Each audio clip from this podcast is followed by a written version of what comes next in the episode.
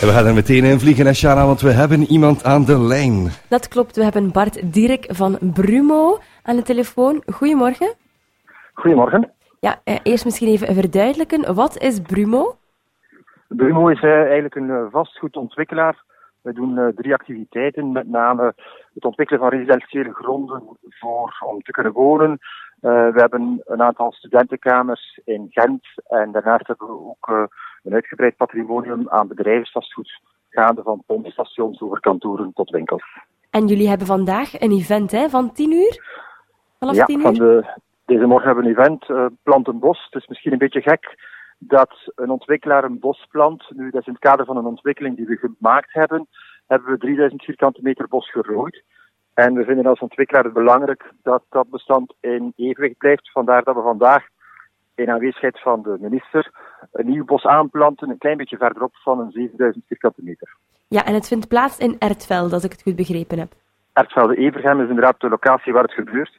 Uh, aan de overkant van waar we zelf uh, een ontwikkeling hebben. We hebben eigenlijk aan de twee kanten van de baan een ontwikkeling. En achter de eerste ontwikkeling gaan we nu het bos aanplanten.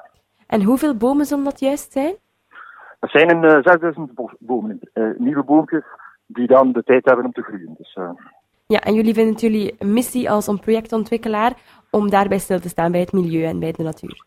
Het behoort tot onze visie dat we niet enkel op een locatie komen, daar een paar woningen neerplanten en terug weg zijn. We willen altijd kijken dat we op een constructieve manier iets teruggeven aan de buurt.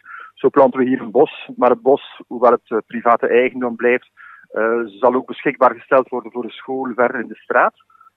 wij ondersteunen een lokale badmintonclub en een uh, turnclub.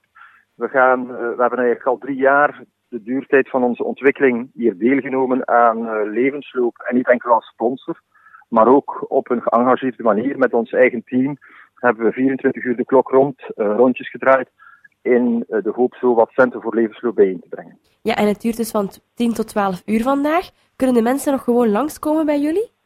Absoluut. Uh, de inschrijvingen zijn vrij, dus uh, we heten iedereen van harte welkom. De bedoeling is ook dat de aanzet van het bos gegeven wordt door onder andere de kinderen van de school hier in de straat, die ook talrijk aanwezig zullen zijn. Ja, en er komt ook nog een speech van minister Schouwvliegen.